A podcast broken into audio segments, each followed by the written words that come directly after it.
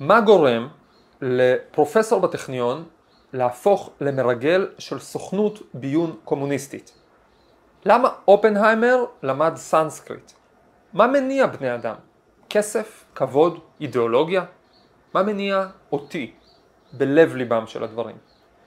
שלום לכם, ברוכים הבאים לפודקאסט המדע מחפש משמעות. לי קוראים דוד אייזנברג, אני פרופסור לכימיה בטכניון. בפודקאסט הזה מדברים על עולם המדע, עולמם של המדענים, על ההקשרים הרחבים של יצירתיות, אתיקה ופיתוח פוטנציאל אישי. היום נדבר על מדענים, מרגלים ומה מניע בני אדם. אחת הטלטלות הגדולות בתולדות הטכניון, המכון הטכנולוגי לישראל והמוסד שבו אני עובד בחיפה, הייתה בשנות ה-60, כשהתגלה שאחד מבכירי המחלקה לפיזיקה בטכניון הוא לא פחות מאשר מרגל של שירות הביון הצ'כי. פרופסור קורט סיטה היה יליד צ'כיה. הוא נכלא על ידי הנאצים בבוכנוולד בעוון נישואין ליהודיה. שם הוא גויס על ידי שירות הביטחון הצ'כי, הקומוניסטי. איכשהו אה, אה, הוא ניסה לרגל אחרי האמריקאים, ה-FBI תפס אותו, גירש אותו, איכשהו המידע הזה לא הגיע לישראל, הוא הגיע לישראל. והצליח להיכנס לטכניון כחוקר, הוא הפך להיות, הוא היה בעצם מומחה בכיר לקרינה קוסמית. מבחינת החיים האישיים שלו, קורט סיטה חי אורח חיים נהנתני. הוא אהב מאוד כסף, הוא פיזר כסף לכל כיוון, נשים, סיפורים שלא ניכנס אליהם. וזה איכשהו גם לא הצליח להעלות מספיק גבות. בתקופה שבה הפרופסור בטכניון בשנות ה-60 לא היה משרה המכניסה ביותר בארץ. איך, מאיפה יש לו את הכסף הזה? באותו זמן, באותם הימים, מדינת ישראל משקיעה מאמצים עצומים בשביל להגיע לעצמאות גרעינית. פרופסור סיטה מהטכניון מנסה בכל כוחו להתחבר למי שעוסק בתחום, לעשות איתם, אה, להנחות איתם סטודנטים בהנחיה משותפת, להתברג בוועדות הנכונות, לייעץ במקומות הנכונים. הוא מתחבר באופן אישי לפרופסור ארנסט דוד ברגמן, המוח המדעי מאחורי מפעל הטקסטיל בדימונה, ואגב גם המוח המדעי מאחורי אה, רפאל, אחד ממייסדי רפאל, וגם המנחה לדוק, אה, מנחה של שניים מהמנחים שלי בדוקטורט שלהם, מה שנקרא סבא האקדמי שלי. פרופסור קורט סיטה מתחכך באנשים האלה, מוצא את דרכו לצמתי החלטה, והכל הוא מדווח לצ'כים, והם בתורה מעבירים לברית המועצות כמה שהם רוצים. כשקורט סיטה נתפס, היה זעזוע לא רק במחלקה לפיזיקה ולא רק בטכניון, בכל הקהילה המדעית בארץ. בהתחלה לא הסכימו להאמין, גוננו עליו וכתבו מכתבים, זה רק מראה את הכאב של הבגידה, חברים שלו סרבו, לה, סרבו להאמין, סרבו להאמין שהוא יכול לבגוד, הוא אחד משלנו, שבפועל לא עצמו זה לא כל כך הפריע, לשדר, ב, אה, להיפגש עם המפעילים שלו ולהעביר להם כל מה שהוא יודע. בסופו של דבר הוא הורשע, הוא ישב אה, קצת פחות מחמש שנים בכלא, עזב את הארץ, חזר לצ'כיה, ויותר לא הסכים לדבר על הפרשה הזאת לעולם. אז אם אנחנו מסתכלים על המוטיבציה שלו, מה הניע אותו? האמת שכשקוראים את כל הסיפור התמונה די ברורה. כסף. הוא רצה כסף, הוא רצה חופש, הוא קיבל כסף וקיבל כלא. אז זה לא בדיוק אותו דבר, ואני לא יודע אם הוא יצא מזה כל כך מרוצה בשורה התחתונה, אבל זאת מוטיבציה אנושית ברורה. חיי נועם ותענוגות. זאת גם מוטיבציה אנושית חסרת גבולות. כתוב, אוהב כסף לא יסבע כסף. ובאמת הרבה מהמרגלים בהיסטוריה גויסו פשוט מתאוות בצע, וגם מדענים הם בני אדם. אבל מה עם מוטיבציות מורכבות יותר? מה אם ניקח את המעגל החיצוני הזה של הכסף אה, והתענוגות וניכנס למעגל פנימי יותר של רצונות אנושיים, של גורמי הנאה אנושיים, הנאה בעין, מה מניע אותם, אותנו. הסיפור השני הוא על המרגל המזיק ביותר בתולדות מדינת ישראל, ממייסדי ומראשי המכון הביולוגי בנס ציונה, דוקטור מרקוס קלינגברג. קלינגברג היה אחד הרופאים האפידמיולוגיים, חוקרי המגפות החשובים בארץ. במהלך 23 השנים שהוא עבד במכון הביולוגי בנס ציונה, הוא חקר את אפשרויות ההגנה מנשק כימי וביולוגי, ומי שרוצה ללמוד על זה עוד מוזמן לקרוא בפרסומים הזרים בחו"ל. הוא עמד בראש המחלקה לרפואה מונעת בבית ספר לרפואה באוניברסיטת תל אביב, במכון בנס ציונה עצמו הוא היה מנהל האדמיניסטרטיבי שלו, באיזשהו שלב הוא אפילו היה סמנכ"ל המכון, ואולי הכי מזעזע שהוא היה בראש הוועדה שנותנת סיווג ביטחוני לעולים חדשים. וכל הזמן הזה כמעט הוא היה מרגל סובייטי. את כל מה שהוא גילה ופיתח, את כל המידע שהוא קיבל מאחרים, כמעט כל דבר שקרה במכון ביותר מ-20 שנה הוא העביר למפעילים שלו בברית המועצות אה, אה, באמצעות צפנים, מקומות מסתור בארץ ובחו"ל. לא היה פשוט לעלות עליו, לא היה פשוט לתפוס אותו, אחר כך הוא ישב הרבה שנים בכלא וכל הזמן הזה מההתחלה ובהמשך ניסו להבין מה הניע אותו, למה הוא עשה את זה, למה הוא בגד בכל דבר, ההערכות האלה לפי מה שקראתי אצל גורמי מודיעין זה שלא היה מרגל שהסב כל כך הרבה נזק על פני כל כך הרבה זמן. הבת שלו סיפרה שקלינברג ריגל מסיבות אידיאולוגיות. אולי אבל לא אידיאולוגיות שהיינו מצפים. היא אומרת שהוא לא היה קומוניסט, אבל הייתה לו סברה פוליטית מסוימת. הוא האמין שצריך ברית המועצות חזקה בשביל לאזן ארצות הברית חזקה. לארצות הברית יש נשק גרעיני, הוא הולך לחזק את ברית המועצות מנגד, וזה מה שישמור על השלום בעולם, כי אז יהיו, יהיה מאזן האימה ושני הכוחות יוכלו לאזן אחד את השני ולא כוח אחד יכבוש כוח אחר. הוא בעצם חשב שהוא פועל לכאורה למען שלום עולמי, הייתה, זו הייתה התפיסה הפוליטית שלו ובשביל זה הוא בגד במדינת ישראל שלפחות אליה הוא הצהיר אמונים, הוא היה אה, תפקיד בכיר בצבא, אה, באמת אפשר לדבר הרבה על כמות הנזק שהוא עשה ו, ו, אה, וכמה הוא מרחיק לכת. עכשיו, האם המציאות הצדיקה אותו והאם הוא צדק באנליזה הפוליטית שלו, האם הוא באמת עזר לשלום עולמי או שסתם תרם את תרומתו לדיקטטורה קומוניסטית שנלחמת במערב, כל אחד ישפוט לבד, אבל ברור שתפיסות פוליטיות ואידיאולוגיות הן כוח מניע מאוד חשוב לבני אדם בכלל וכמובן שגם למרגלים והשתמשו בזה הרבה. אם אנחנו חושבים על זה כמעגלים קונצנטריים, אז הכסף שדיברנו עליו בהתחלה, עם קורצית הנמצא בחוץ, התפיסות הפוליטיות, האידיאולוגיות, האמונות נמצאות יותר עמוק, אבל אפשר להיכנס עוד יותר פנימה. אפשר להגיע לנקודה הפנימית ביותר של האדם. בשביל לדבר עליה ולבחון אותה לעומק, אני רוצה לדבר על מדען מדהים, שלא היה מרגל, אפילו שהוא הואשם בריגול. עכשיו זה בקולנוע, יצא לאחרונה לקולנוע הסרט אופנהיימר, על הפיזיקאי היהודי אמריקאי רוברט אופנהיימר. אופנהיימר עמד בראש תוכנית האטום האמריקאית, ראש פרויקט מנהטן, הוא ריכז את המאמצים של ארה"ב להגיע לפצצה, זה היה, קראו, זה היה מאמץ מדעי וטכנולוגי עצום, הרבה דברים מדעיים רק היו צריכים להתגלות בשביל שיהיה אפשר לעשות את זה, לא היה ברור שזה יקרה, הוא גם היה פיזיקאי מדהים בפני עצמו, זה שגילה את הרעיון של החורים השחורים. הוא עשה, הוא הצליח לרכז את כל הדברים, את כל המאמץ הזה, על ידי כושר תפיסה בלתי רגיל, על ידי אינטואיציות מדעיות חזקות, על ידי כושר החלטה אה, חד וחזק, וגם הרבה יחסי אנוש. אגב, בין הכימאים, אופנהיימר לא מפורסם על, על הפיזיקה, אלא מי שזוכר מהקוונטים, קירוב בורן אופנהיימר, זה משהו שהוא עשה עוד בדוקטורט שלו, זה משהו שעוזר מאוד לעשות היום חישובים קוונטיים של כימיה קוונטית. עכשיו, אופנהיימר מבחינה אישית היה אדם מורכב ביותר. לא חד משמעי. היו לו כישרונות עצומים ורבים, והיו לו פגמים עצומים ורבים, היו לו חיבוטי נפש עצומים.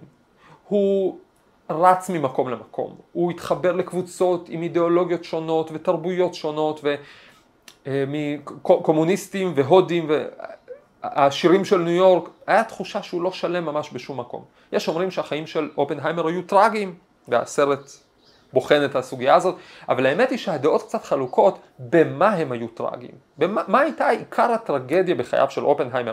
אני רוצה, ויש לזה ש, קשר חזק מאוד לשאלה של מה הניע אותו, אני רוצה לגעת בשני הסברים ולהציע הסבר שלישי מלכד ופנימי יותר. הסיבה הראשונה, זאת אומרת בעצם השיטה הראשונה, מה הייתה הטרגדיה בחייו של אופנהיימר, אומרת שהטרגדיה הייתה מה שהוא חווה מממשלת ארה"ב, הבגידה, הסכין בגב. הוא בעצם הביא להם את פצצת, הוא נולד בארה"ב, הוא הביא להם את פצצת האטום, אמ, ובאיזשהו שלב הם חשדו שהוא קומוניסט. זה היה בשיאה של המלחמה הקרה, בתקופת החשש המקסימלי והמוצדק במידה רבה ממרגלים קומוניסטים, והם, מה שקרה בפועל זה שהם לקחו לו את הסיווג הביטחוני, יצא מצב מצחיק, עצוב, טרגי, שבו הוא לא יכול לקרוא יותר את המסמכים שהוא בעצמו עזר, שהוא בעצמו כתב, הוא לא יכול לדעת יותר על הפצצה שהוא ניהל את הבנייה שלה, ורק בעצם לפני חצי שנה, רק בסוף 2022 השם שלו טוהר לגמרי, כמובן אה, הרבה מאוד שנים אחרי מותו, יותר מחמישים שנה אחרי מותו, למרות שהיה ברור אז ולאורך הזמן להרבה אנשים שאופנהיימר הוא הרבה דברים, אבל לא מרגל סובייטי. זה הסבר ראשון, שיטה ראשונה של מה הטרגדיה. שיטה אחרת, עמוקה יותר, זה משהו שמציג הפיזיקאי פרימן דייסון שהיה חבר שלו וגם עבד איתו בפרויקט מנהטן, הוא אומר שהטרגדיה האמיתית של אופנהיימר הייתה הטרגדיה המקצועית שלו, שהוא לא הצליח להתרכז בנושא מדעי אחד ולהביא אותו לסיום. אופנהיימר עבד על חורים שחורים, הוא למעשה גילה את ה... הציע ראשון את המושג הזה, אבל הוא נטש אותם אחרי מאמר אחד ויחיד. זה מעשה שלא יעשה באקדמיה, אתה תפסת פרה תחלוב אותה. אופנהיימר עבד על פרויקט אחר, עוד, עוד בדוקטורט, קצת אחרי הדוקטורט שלו, נמאס לו אחרי כמה זמן, הוא השאיר את זה למי שקיבל על זה פרס נובל אחריו, הוא עצמו הלך הלאה.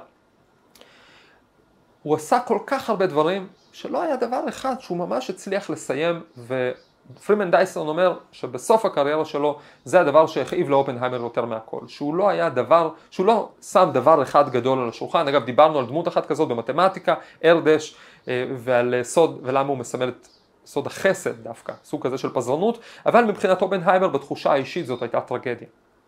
אני חושב שפיזור מדעי מתחיל לתאר את הבעיה, אבל אני מציע ללכת עוד שלב אחד עמוק יותר, כי שני הדברים האלה בהחלט טרגיים, אבל גם יחס של ארה"ב אליו וגם הפיזור המדעי שלו מתארים אספקטים שיותר קשורים לקריירה שלו. הם מתעלמים לגמרי מחיבוטי הנפש שלו כאדם. בעצם אופנהיימר, וזה ידוע, היה אדם שכל הזמן חיפש איזה, קשה קצת להגדיר את זה, מימד רוחני. קראתי כל מיני ביוגרפיות שלו, והם בעצמם, הפיזיקאים שהיו איתו, מתקשים לשים על זה את האצבע. הם כותבים במפורש שלפעמים זה היה מביך אותם, הוא כל הזמן היה מדבר איתם על נושאים מיסטיים, ופעם הוא התלהב מה... אה, אה, באבד גיתא, כתבים, כתבי הקודש ההודיים, כתבים הודיים מיסטיים, הוא בעצמו למד סנסקריט בשביל לקרוא אותם, ופעם מ, מ, אה, היה לו בת זוג קומוניסטית, אז הוא התחיל ללכת למפגשים של קומוניסטים. הם, הם בעצמם נבוכו מהחיפושים הבלתי פוסקים האלה שלו, של משהו מעבר, הוא היה מדבר פתאום בכל מיני ביטויים רוחניים, ובעצמו לא ידע כל כך מה, על מה הוא מדבר. ואני חושב שהחיפוש הזה, החיפוש הרוחני, גם אם הוא לא הגיע לאיזה משהו, היה חלק מאוד מרכזי מה, מה, מה, מה, מהבעיה שלו, חלק מאוד מרכזי מהקשיים שהוא חווה. ורק אחד מהחברים הוותיקים שלו, הוותיקים ביותר, פרופסור איזידור רבי, היטיב לנסח את זה לדעתי. איזידור רבי היה בעצמו זוכה נובל בפיזיקה, יהודי אמריקאי, יהודי לא דתי, שהגדיר בעיניי טוב מכולם את הקונפליקט שבנפשו של אופנהיימר. הוא אמר, זה המילים שלו, הבעיה העיקרית של אופנהיימר הייתה בעיית זהות. פרופסור ראבי אמר על זה, אם הוא היה לומד יותר תלמוד ופחות סנסקריט, הוא גם היה פיזיקאי יותר טוב. ככה אמר את זה פרופסור ראבי, ואני מאוד מתחבר לנקודה הזאת. צריך להבין אותה לעומק. למה בדיוק פרופסור ראבי התכוון, מה הקשר בין תלמוד וסנסקריט ולהיות פיזיקאי יותר טוב? אני רוצה לחדד את העניין הזה על ידי סיפור אחד ממש מדורנו. הסיפור הוא על אחד מהוגי הדעות הצעירים המבריקים שחיים היום, גר עכשיו בתל אביב, קוראים לו ניר מנוסי. בבלוג שלו ניר מנוסי מספר איך הוא הגיע בשנות ה-20 לחייו ללמוד אומנות בלונדון, בבית ספר בינלאומי במרכז לונדון, הוא כבר היה לו אז, אפילו שהיה צעיר, ניסיון של מאייר, ובלונדון ישר הקפיצו אותו כיתה, והוא כל כך התלהב מהכל, התלהב מלונדון, התלהב מהמגוון, בעיקר מהמגוון העצום של האנשים בבית ספר הזה, מכל הסוגים, מכל המינים, מכל העולם, מין מיקרוקוסמוס של, של הפלנטה, בקומה אחת במעונות, גן עדן. גן העדן הזה התחיל להיסדק כשהוא הרגיש שהוא רוצה להכיר יותר את ריבוי התרבויות הזה. הוא גילה תופעה מהממת, אפילו קצת מטלטלת בשבילו, הוא מתאר שהוא התחיל לתחקר את החברים שלו, כדי ללמוד מהם על התרבויות שלהם, שאותם הוא בא להכיר, כדי להיות אזרח של העולם. הוא שאל את איינו הפינית, שתספר לו קצת על המיתולוגיה הפינית שהוא שמע עליה בפינלנד, מיתולוגיה של פינלנד, הפינית. אה, והיינו מפינלנד אמרה לו שכל מה שהיא זוכרת זה שקוראים לה הקלוואלה, למיתולוגיה הזאת, והיא לא זוכרת שום סיפור. הוא שאל את ריצ'ה ההודית, כך הוא מספר. אמ, מה ההבדל בין ההינדואיסטים, הג'ייניסטים והבודהיסטים? היא רק ידעה להגיד שזה כמה אלילים שונים ולא מלמלה שום דבר מעבר לזה. הוא שאל את רומבי מזימבבואה, מה שונה זימבבואה משאר המדינות באפריקה? מה הייחוד שלה? אבל הסתבר שרומבי למדה באיזה בית ספר בינלאומי בזימבבואה ולא ממש הכירה את המדינה שממנה היא באה. תרמנוסי כותב שבהתחלה הוא מאוד כעס עליהם, בלב שלו, איזה מין בני תרבות אתם, אתם לא מכירים מאיפה באתם, איך אתם יכולים ללמד אותי, איך אנחנו נהפוך ככה לאזרחים של העולם. אבל אז הם ביקשו ממנו לספר על התנ"ך. אז הוא ניסה. והוא סיפר סיפורים, והוא קלט שהסיפורים האלה הם קרעים של דברים, ושהם לא מתחברים לו בראש בעצמם, והוא לא זוכר מאיפה הם באים, וחלקם הגדול בכלל מהגן, מגן הילדים, והוא הבין משהו עמוק. זאת הייתה בשבילו נקודה גדולה של נפילת אסימון, הוא הבין שהזהות הזאת של אזרח גלובלי היא זהות חלולה אם אדם הוא לא קודם כל אזרח של הכפר הקטן שלו. קודם כל להיות אזרח של הכפר שלך, להכיר את הנקודה הפנימית שלך, ואחר כך אתה יכול להעשיר בתוכן אמיתי את המושג המושג הזה של אזרח העולם. בעצם אדם שלא עומד איתן בנקודת הזהות הפנימית שלו, הוא יכול לדמיין שהוא חלק צבעוני מפסיפס בינלאומי אחד גדול, אבל בפועל הוא חתיכה אפורה, כמו כולם, של מין משטח אחיד פוסט מודרניסטי. בשבילו זאת הייתה נקודת ציון חשובה במסע האישי שלו, היום ניר מנוסי הוא אחד ההוגים המרתקים, החשובים וגם המצחיקים שיש בארץ, אה, הוא, אה, לדוגמה הספרים שלו על הפריה הדדית בין מדע ליהדות, בין על עליית מעמד האישה ביהדות, מאוד ממליץ לעקוב אחריו, ביוטיוב ובכלל. עכשיו, לדעתי ניר מנוסי הצביע אל הנקודה שאליה כיוון פרופסור ראבי, כשהוא דיבר על אופנהיימר. על הקשר בין יותר תלמוד, פחות סנסקריט, שווה פיזיקה יותר טוב. אם אופנהיימר היה יותר מודע לנקודה הפנימית שלו, נקודה הפנימית של הזהות שלו, למי הוא באמת, אם הוא היה עומד במקום יציב יותר, פחות מתרוצץ נפשית וגם פיזית מאמריקה לאירופה, מאירופה לאמריקה, מהקומוניסטים להודים, אז גם שאר הדברים היו הולכים יותר טוב. המיקוד שלו, השלמות שלו, האישית והאידיאולוגית. מתוך כל המעגלים שציירנו, זו הנקודה הפנימית ביותר של מה מניע אנשים. כסף, תענוגות, בקליפה החיצונית. אידיאולוגיה ותפיסות, גם עמוק יותר, אבל הפכפך. בלב הכדור נמצאת הזהות. כאן טמון הכל. מכאן אפשר להפעיל סוכנים, מרגלים, מכאן אפשר להפעיל את עצמנו, כדי לרדת עמוק לתוכנו ולהגיע משם רחוק רחוק. בהצלחה.